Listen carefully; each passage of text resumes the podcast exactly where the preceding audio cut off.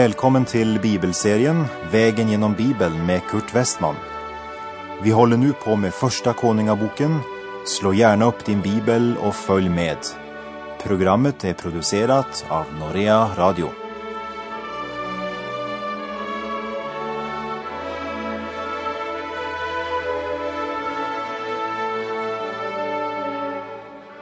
Vi har nu kommit till Första Kungabok kapitel 7. I förra programmet såg vi hur Salomo byggde templet efter den beskrivning som Gud hade uppenbarat för David. Men Salomo byggde inte bara ett tempel för Herren. Han byggde också ett hus till sig själv. Och palatset han byggde till sig själv, det var mera än dubbelt så stort som templet han byggde. När vi nu vandrar genom kapitel 7 i Första Kungaboken så är det här kapitlet eh, närmast en byggnadsbeskrivning med många mått och former och inredningsdetaljer. Men det är ändå ingen fullständig beskrivning som gör det möjligt att bilda sig en klar bild av hur kungens hus har sett ut. Men innan vi vandrar genom kapitel 7 vill jag än en gång påminna om att huset som Salomo byggde till sig själv alltså var mera än dubbelt så stort som huset han byggde för Herren.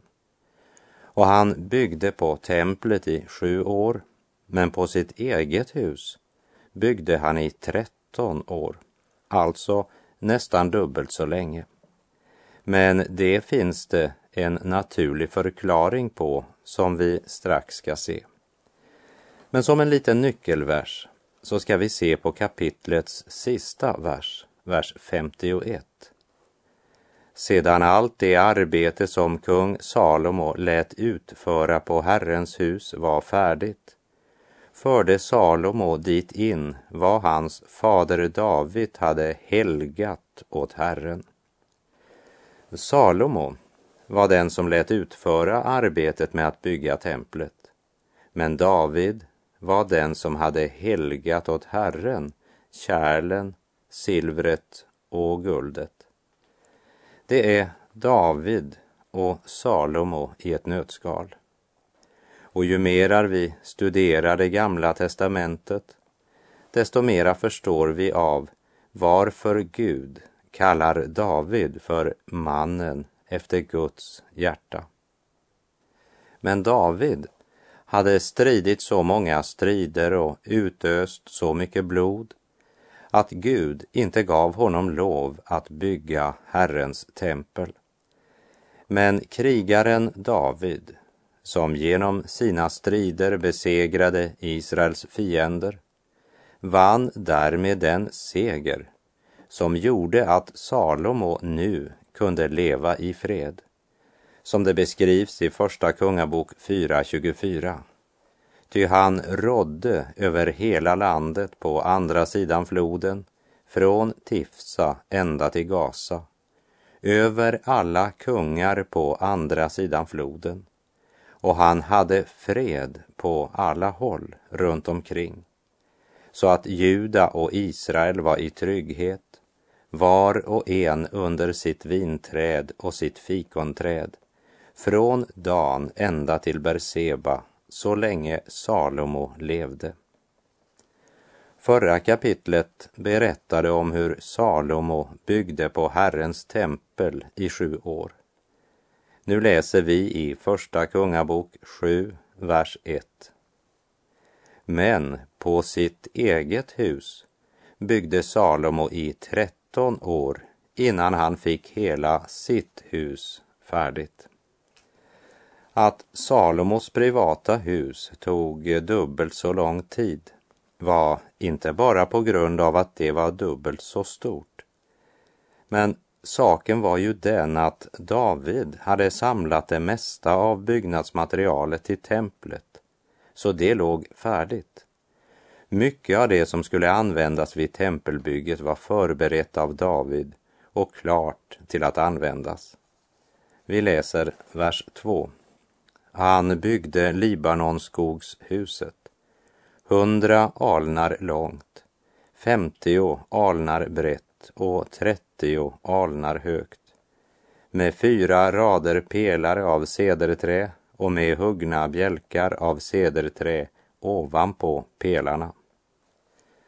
Libanonskogshuset, byggt av cederträ från Libanon, cirka 50 meter långt, 25 meter brett och 15 meter högt. Det sägs inget om vad huset skulle användas till. Kanske var det kungens sommarstuga. Tempel, palats, sommarhus. Och till allt användes trä från Libanon. Så det var uppenbart ett skogrikt land på Salomos tid. Och kanske är dessa byggnadsbeskrivningar en liten förklaring på varför dessa områden är så pass skogfattiga idag. Låt oss se vidare på något av allt det som Salomo lät bygga. Vers 6. Vidare gjorde han pelar för huset, 50 alnar långt och 30 alnar brett. Och framför detta också ett förhus med pelare och med ett trapphus framför dessa. Och han gjorde tron för huset där han skulle skipa rätt och även domssalen. Den var belagt med cederträ från golv till tak. Och när vi nu kommer till huset Salomo lät bygga åt sig själv så nämns i samma sättning huset han byggde åt faraos dotter, vilket tyder på att hon hade en speciell position bland Salomos oändligt många hustrur. Och vi läser vers 8.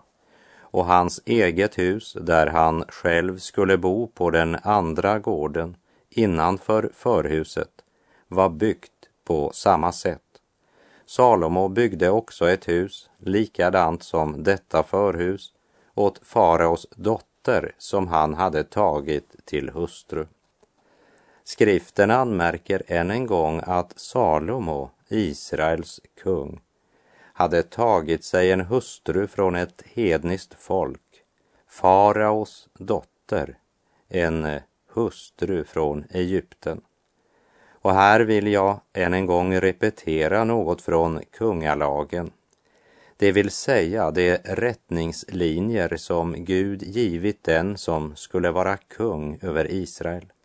Och jag citerar ifrån femte Mosebok 17, vers 16 och 17. Men han må inte skaffa sig hästar i mängd och inte sända sitt folk tillbaka till Egypten för att skaffa de många hästarna. Ty Herren har ju sagt till er, ni ska inte mer återvända denna väg. Inte heller skall han skaffa sig hustrur i mängd för att hans hjärta inte må bli avfälligt. Och inte heller ska han skaffa sig allt för mycket silver och guld. Om Egypten hade Herren sagt, ni ska inte mer återvända denna väg. Men Salomo han lät inte bara hämta hästar från Egypten, men han tog också en av faraos döttrar till hustru åt sig. Och hon, ja hon får en sån favoritplats i hans hjärta att han bygger henne ett eget hus.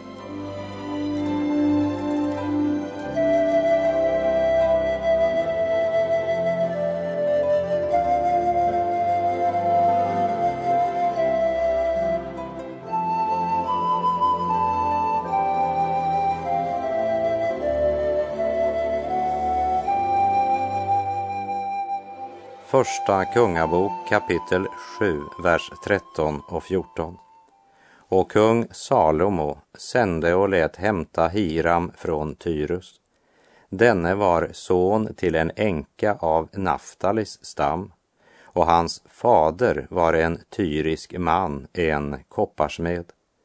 Han hade konstnärlig skicklighet och förstånd och kunskap i fullt mått att utföra alla slags arbeten i koppar. Han kom nu till kung Salomo och utförde alla hans arbeten. Denna Hiram är alltså inte kung Hiram, utan en kopparsmed vars mor kom från Naftalis stam. Han var en skicklig kopparsmed som kunde utföra alla slags arbeten i koppar och han hämtades nu från Tyrus för att tillverka bland annat de två stora pelarna.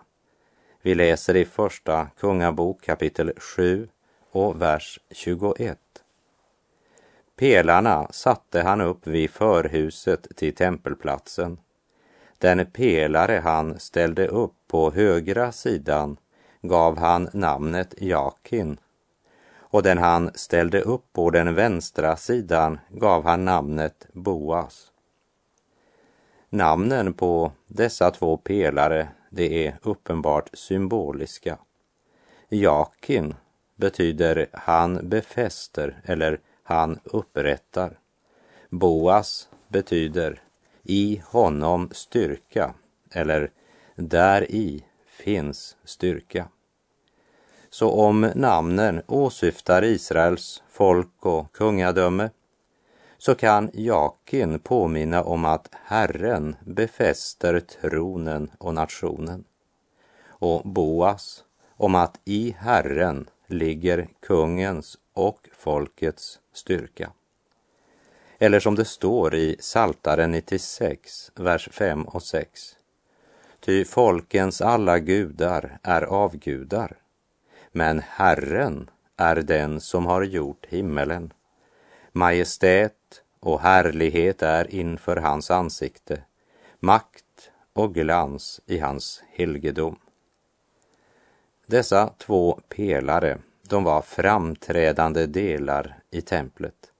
Och dessa två pelare, ja, de borde finnas hos var och en som går för att tillbedja Gud. Nämligen kunskapen om att, för det första, Herren är den som upprättar och bevarar mig. Och för det andra, i Herren har jag min styrka. Ska du tillbe Gud, så måste du först ha erfarit Guds kraft som har förlossat dig ifrån syndens makt. För eh, som en av fäderna uttryckte det, Gud har inte bara genom sin försoningsdöd tagit på sig straffet för våra synder, men han har också löst oss från syndens makt. Det är i sig inte något fel med en vacker och utsmyckad gudstjänstlokal. Men utsmyckningar eller ritual kan aldrig ersätta tillbedjan. Vi tillber honom i den skönhet som tillkommer det rena och heliga. Det vill säga, när vi kommer in i Guds närhet och inser vår egen otillräcklighet, då kan vi se honom i all hans renhet, ära och glans.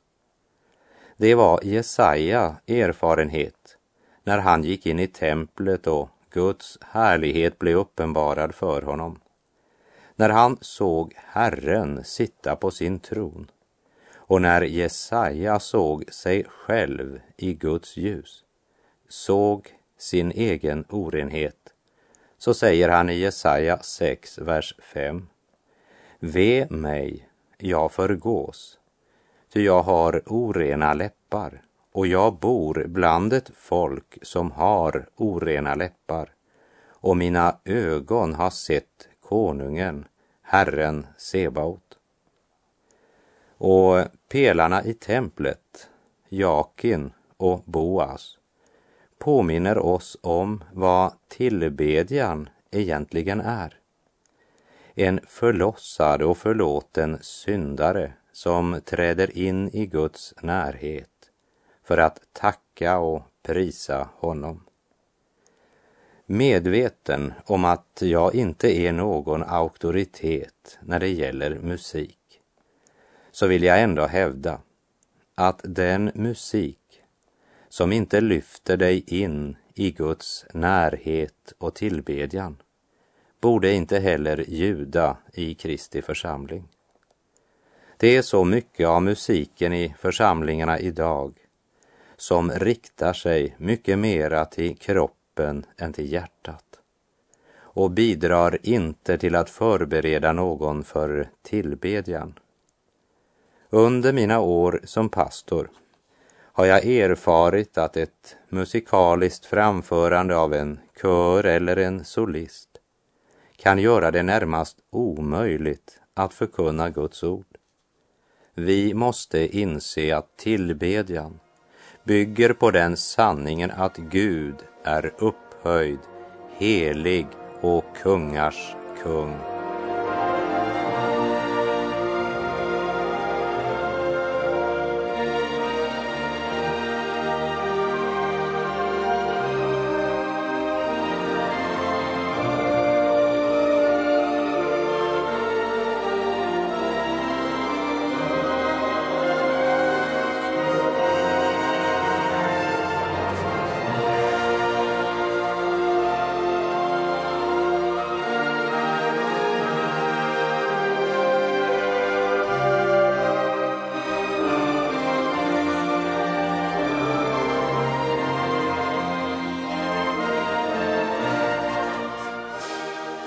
Första Kungabok kapitel 7, vers 23.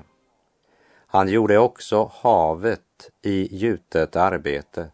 Det var tio alnar från den ena kanten till den andra runt om och fem alnar högt och ett trettio alnar långt snöre mätte dess omfång. Kopparhavet var det fat där prästerna skulle tvätta sig för att renas innan de gjorde tjänst i tabernaklet.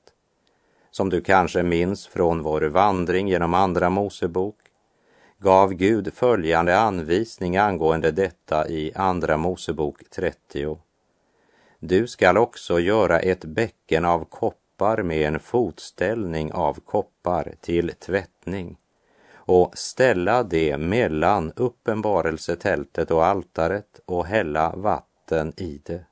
Och Aron och hans söner skall tvätta sina händer och fötter med vatten ur det. När de går in i uppenbarelsetältet ska de tvätta sig med vatten för att de inte må dö Likaså när de träder fram till altaret för att göra tjänst genom att tända eldsoffer åt Herren. Och det blev alltså gjort ett större tvagningsfat, ett eh, större hav, när Salomo bygger templet. Kopparhavet vilade på tolv kopparoxar, tre oxar i vardera av de fyra riktningarna. Men idag är det inte kopparhavet eller andra yttre ceremonier som är det viktiga. För det kan inte rena och förvandla vårt hjärta. En vacker gudstjänst kan inte föra en människa in i Guds närhet. Inte ens det största tvättfat, det största kopparhav kan rena oss från våra synder. Reningen ligger inte i själva fatet, hur stort det än är. Det är vattnet som renar i kraft av offret. Och vattnet är en bild på Guds ord. I sitt tal till lärjungarna i Johannes 15 säger Jesus i vers 3 och 4. Ni är redan nu rena i kraft av det ord som jag har talat till er. Förbli i mig så förblir jag i er.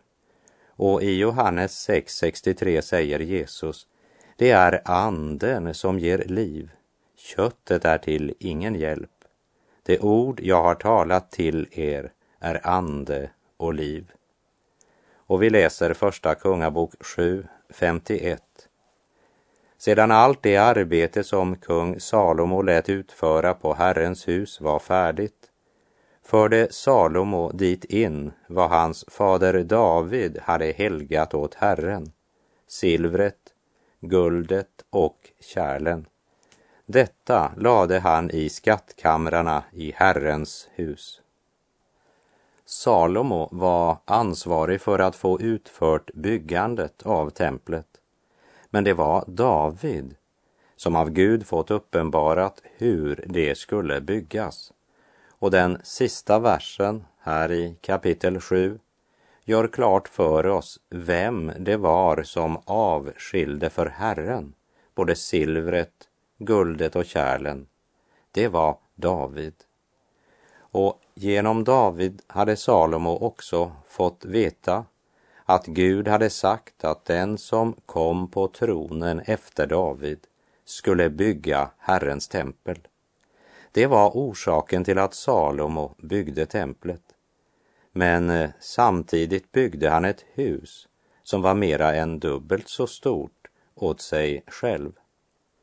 David hade i sina unga år arbetat som fåraherde och varit tvungen att kämpa mot både björn och lejon. Salomo, han hade växt upp i ett luxuriöst slott och den fred som rådde under Salomos tid var grundlagt av David som besegrat Israels alla fiender.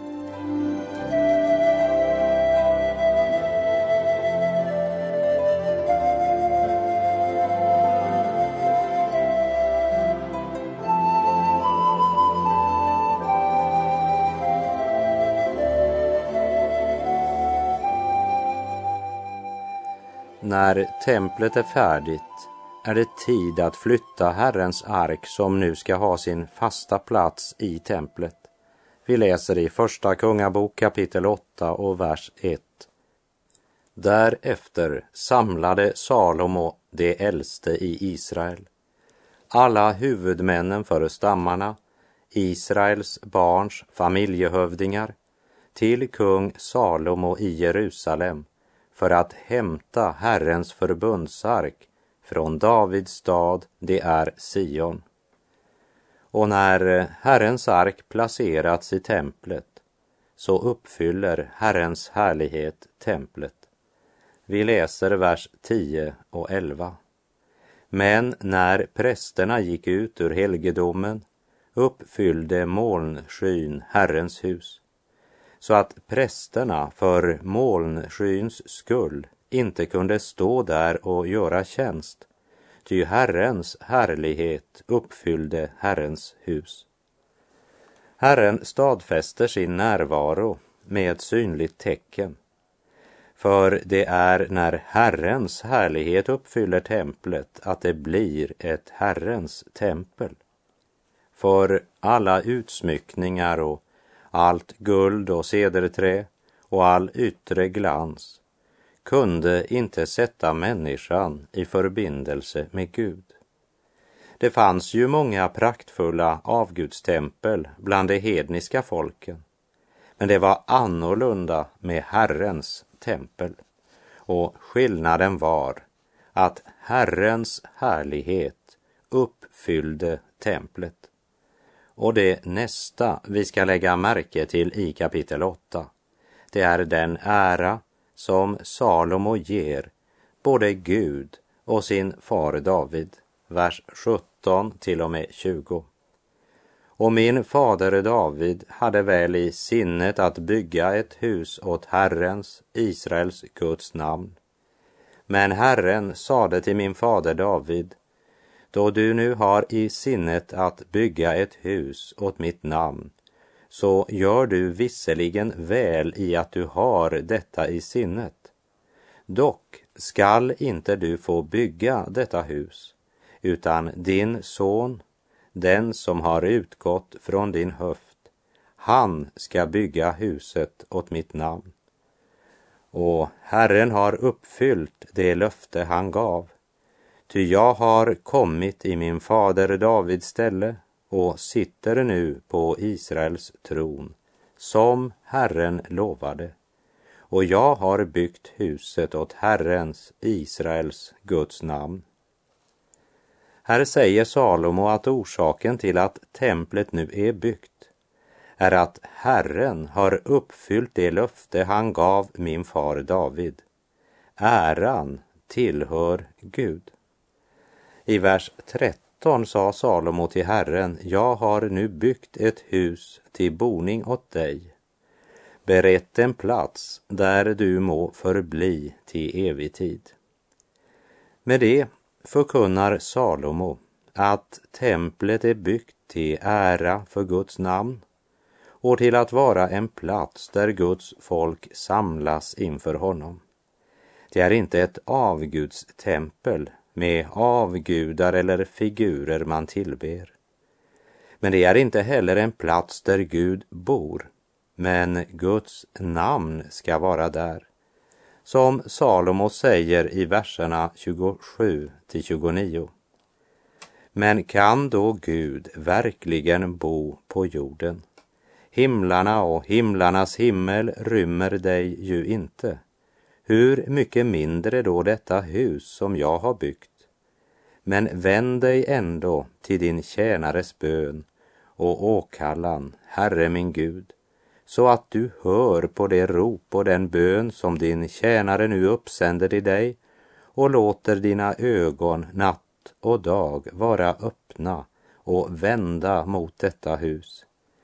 Den plats om vilken du har sagt, mitt namn ska vara där, så att du också hör den bön som din tjänare ber, vänd mot denna plats. Och Salomo avslutar så med dessa ord i verserna 59 till 61. Och må dessa mina ord, med vilka jag har bönfallit inför Herrens ansikte, vara nära Herren vår Gud dag och natt, så att han skaffar rätt åt sin tjänare och rätt åt sitt folk Israel för varje dags behov för att alla folk på jorden må veta att Herren är Gud och ingen annan. Och må era hjärtan vara hängivna Herren, vår Gud, så att ni hela tiden vandrar efter hans stadgar och håller hans bud, som ni nu gör.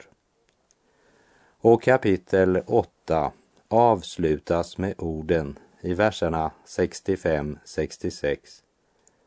Vid detta tillfälle firade Salomo högtiden och med honom hela Israel, en stor församling från hela landet, allt ifrån det ställe där vägen går till Hamat ända till Egyptens bäck, inför Herrens, vår Guds ansikte i sju dagar och åter sju dagar tillsammans fjorton dagar på åttonde dagen lät han folket gå och det tog avsked av kungen. Sedan gick det till sina hyddor uppfyllda av glädje och fröjd över allt det goda som Herren hade gjort mot sin tjänare David och sitt folk Israel. Nu är templet färdigt. Herrens ark är nu i templet. Herren har på ett synligt sätt stadfäst sin närvaro och Herrens härlighet har uppfyllt templet. Och resultatet? Folket är uppfyllda av glädje och fröjd. Och med det så är tiden ute för den här gången. Herren vare med dig. Må hans välsignelse vila över dig.